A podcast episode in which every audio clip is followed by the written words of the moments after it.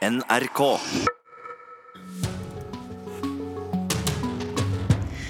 Det nærmer seg desember, og det er en liten stund igjen. Men det skal handle om fredsprisen i Kulturnytt, Hugo Fermerli. Absolutt, fordi norske Fargespill, som er kjent for å drive med musikk og forestillinger over hele landet, kan vinne. Nobels fredspris.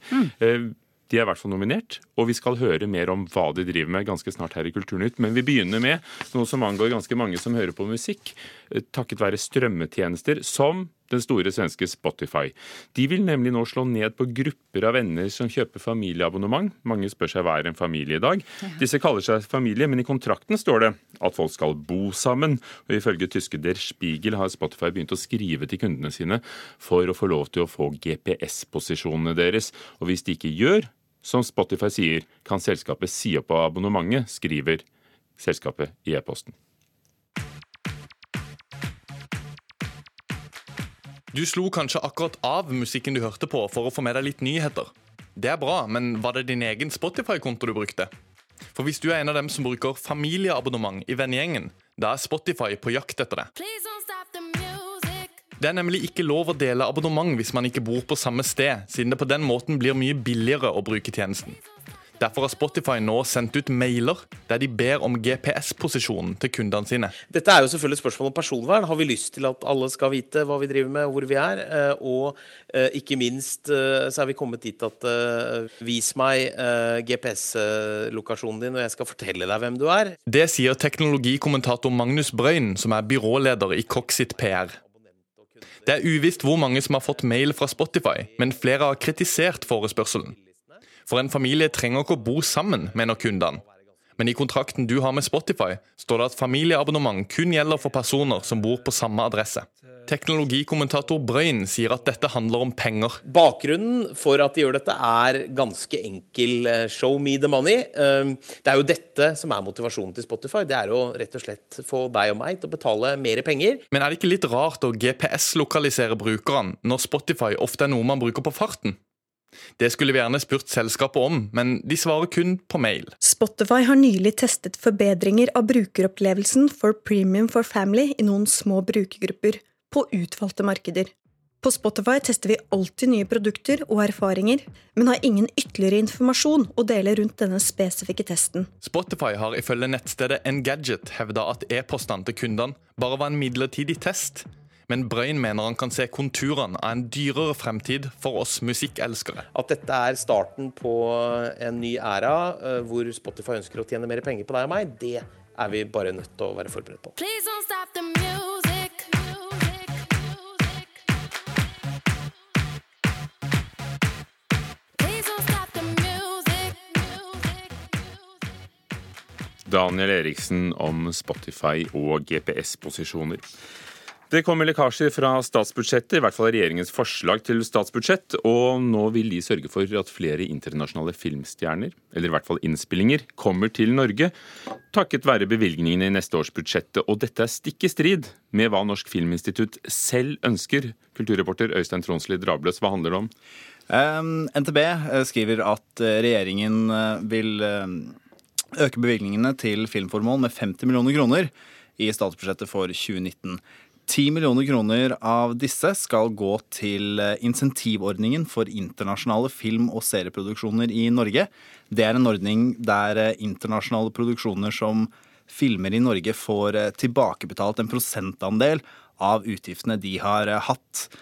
Det NTB ikke forteller, er at dette er i stikk i strid med hva Filminstituttet leverte, eller ytret, da, i sin ønskeliste, om man kan kalle det det, til det nye statsbudsjettet, der eh, de ba om stillstand i den ordningen fordi de mener at den ikke fungerer. Eh, Nøyaktig hvorfor de mener at den ikke fungerer, er, det ikke, er vi ikke helt sikre på. Vi har ikke fått kontakt med Filminstituttet ennå. Har den fungert hittil? Hvordan har den fungert? Den begynte jo bra. Snømannen stakk av med den første potten. Eh, og så kom Mission Impossible. Benji, you copy? We copy, go. Change of plan. I'm blown! Need extraction. We're on our way. Dette ble da lagt til Norge. Stor stas å ha Tom Cruise på besøk på Prekestolen. Men til forrige søknadsfrist så var det ingen internasjonale produksjoner som leverte inn søknad.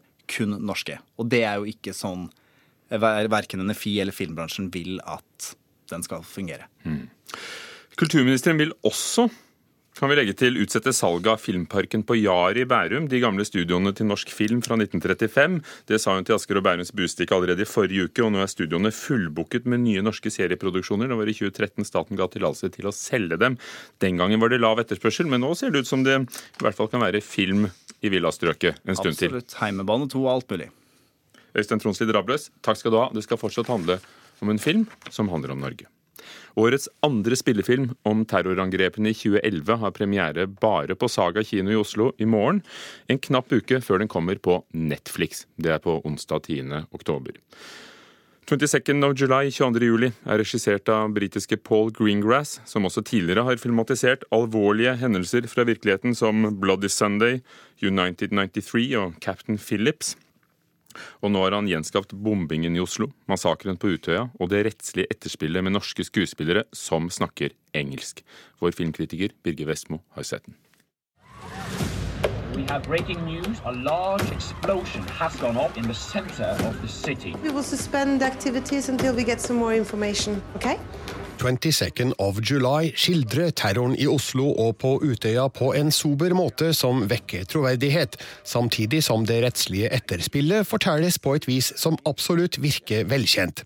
Regissør Paul Greengrass har sjøl skrevet manuset til filmen, basert på Åsne Seierstads bok En av oss, og gir et rettlinja og kronologisk overblikk som de fleste nordmenn kan utenat, samtidig som den kanskje gaper over litt for mye. Likevel gjør det fremdeles inntrykk å få sterke eksempler på terrorens grusomhet og menneskelige kostnader, og hvordan samfunnet og rettssystemet møtte gjerningsmannen og hans idealer etterpå. What was that? Greengrass forsøker åpenbart å forklare omstendighetene for et internasjonalt publikum, som ikke har de samme forutsetningene som nordmenn for å sette terroren i kontekst. Det uunngåelige resultatet er at mye av innholdet i filmen er gjentagelser av informasjon som er basiskunnskap for oss. Greengrass skildrer situasjoner og sammenhenger på en måte som ikke nødvendigvis fører noe nytt til bords, men det er sjølsagt forstyrrende og urovekkende å se terrorbombinga i Oslo og massakren på Utøya bli gjenskapt med grufulle bilder og sterke inntrykk.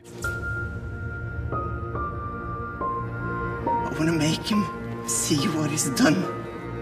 I just want to beat him. Then maybe this is your chance. Anders Danielsen Lie spiller isnende godt som Anders Behring Breivik, mens Jonas Strand Gravli imponerer som Utøya-offeret Viljar. I tillegg møter vi, blant mange andre, statsminister Jens Stoltenberg, spilt av Ola G. Furuseth, og advokat Geir Lippestad, spilt av Jon Øigarden. Her er det altså mange figurer og historietråder, og ikke alle får like god plass i filmen, til tross for en solid spilletid på to timer og 23 minutter. 22nd of July er en studie i utfordringene som rettssystemet i et demokrati har i møte med terrorisme, men gir oss lite innsikt, informasjon og kunnskap som ikke er godt kjent for et norsk publikum fra før. Den forteller oss ting vi allerede vet, og gjør derfor ikke like sterkt inntrykk som Erik Poppes opprivende Utøya 22. juli. Det er likevel verdt å se terroren fra et internasjonalt perspektiv, gjenskapt med tyngde, presisjon og profesjonalitet fra en filmskaper som Paul Greengrass. There are witnesses I need to cross examine. Norway isn't on trial. You are. Are you sure about that? 22. juli, 22nd July ble anmeldt av Birger Vestmo. Filmen har altså premiere på Saga kino i Oslo i morgen, og vil ha daglige visninger til og med tirsdag, mens Netflix legger den ut på sin strømmetjeneste førstkommende onsdag 10. oktober. I morgen blir årets vinner av Nobels fredspris kjent, og en av de mulige vinnerne er denne gjengen.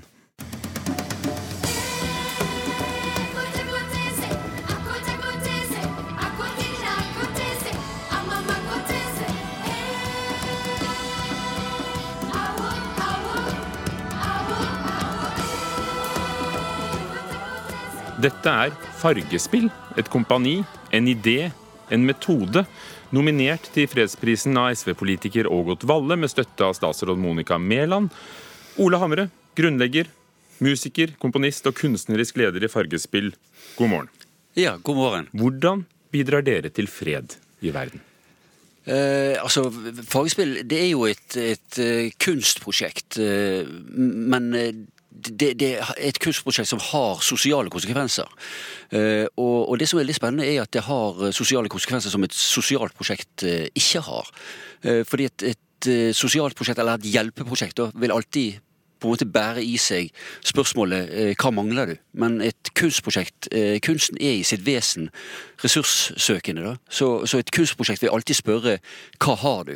Eh, og det, det er på en måte det spørsmålet som, som er på en måte kjernen i fagspillet. Altså hva har du? Altså dette fokuset på, på, på folks ressurser. Dere begynte som et festspillprosjekt i Bergen i 2004. Du fikk ideen.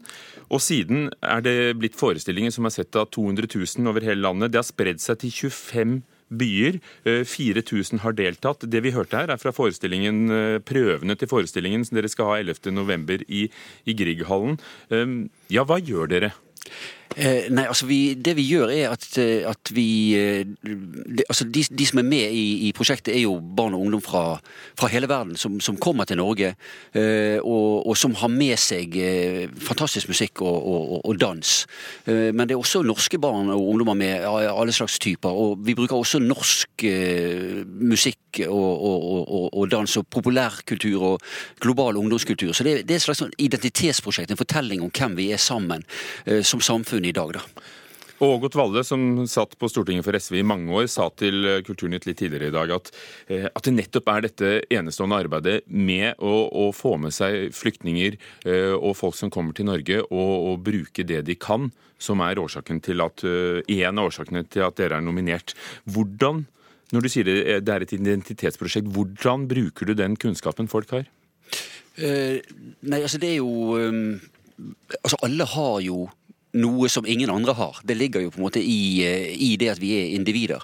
Og det er det vi setter fokus på. Altså at, at alle har med seg noe som kan bidra til et eh, kollektiv. Og, og, og det som er spennende, er jo det som skjer med det kollektivet når, når, eh, når, fokuset, når alles fokus er på hverandres ressurser, eh, og også på egne ressurser, så skjer det noe veldig spesielt med det kollektivet. Og, det, eh, og Derfor så blir jo på en måte forestillingene egentlig ganske oppsiktsvekkende. Det, det disse barna og ungdommen presterer, er oppsiktsvekkende.